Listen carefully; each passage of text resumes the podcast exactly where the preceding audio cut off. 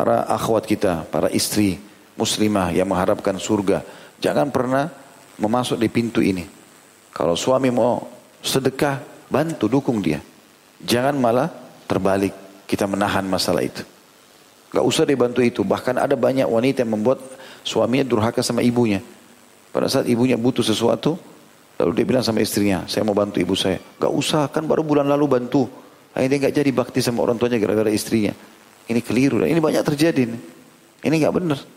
Tugas antum sebagai laki-laki pemimpin harus punya prinsip dalam rumah tangga. Berikan istri haknya, selebihnya tidak ada campur tangan dia dalam masalah harta itu.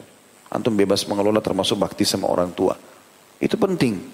Kalau antum terima gaji 10 juta kasih semua istri, biar celana dalam minta sama istri, ini butuh dicambuk ini.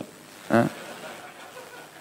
Ada pernah ikhwah begitu telepon, kenapa enggak antum enggak telepon? Habis pulsa Ustaz. Anak baru minta sama istri yang dibeliin pulsa. Beli pulsa dari istri. La haula wala quwata illa billah. Antum belikan dia pulsa, iya. Kenapa terbalik ini? Hah? Jadi semestinya apa pun yang dinafkahkan yang wajib termasuk laki-laki sekarang nafkahkan kepada orang tuanya itu harusnya dia lakukan. Baik buat istri ataupun juga untuk orang tuanya. Ya. Ada yang mencegah ini maka kena ancaman di sini.